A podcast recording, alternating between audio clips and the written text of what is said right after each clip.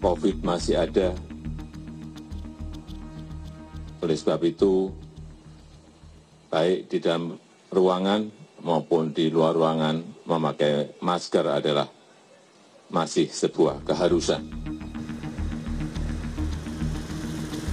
Dua bulan setelah pelonggaran penggunaan masker, Presiden Jokowi kembali mengharuskan masyarakat untuk memakai masker di ruang terbuka. Sebelumnya, relaksasi penggunaan masker di ruang terbuka ditujukan bagi umum, tetapi tidak ditujukan bagi lansia dan warga yang memiliki penyakit bawaan atau komorbid. Di sekitar alun-alun Bandung dan Jalan Cihapit pada Senin pagi, sebagian besar warga masih menggunakan masker saat berada di ruang terbuka. Namun tak sedikit yang tidak bermasker. Meski begitu, sebagian warga telah mengetahui mengenai imbauan untuk kembali menggunakan masker di ruang terbuka. Ya banyak virus, banyak debu, pakai masker nggak ada masalah. Pendapat saya bagus memang untuk menghindari eh, memperluas COVID itu, jadi ya kita jaga kesehatan. Selain penggunaan kembali masker di ruang terbuka, Presiden Jokowi juga menghimbau untuk terus menggencarkan vaksinasi booster.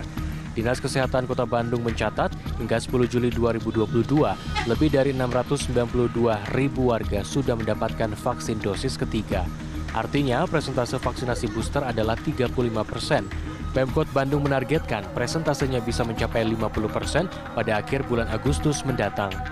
Pertama lewat, lewat regulasi kami mensyaratkan e, beberapa tempat yang sudah kami beri relaksasi itu harus e, bisa masuk itu e, booster e, dosis 3 termasuk kami menyiapkan gerai-gerai e, vaksinasi masal lagi bekerja sama lagi dengan TNI Polri bekerja sama dengan komunitas tadi untuk program percepatan Hingga 10 Juli kemarin dalam seminggu kasus aktif varian COVID-19 di Kota Bandung rata-rata mencapai 57 kasus.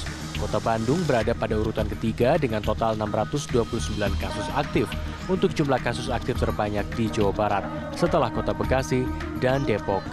Wilam Nasution, Kavijati, Bandung, Jawa Barat.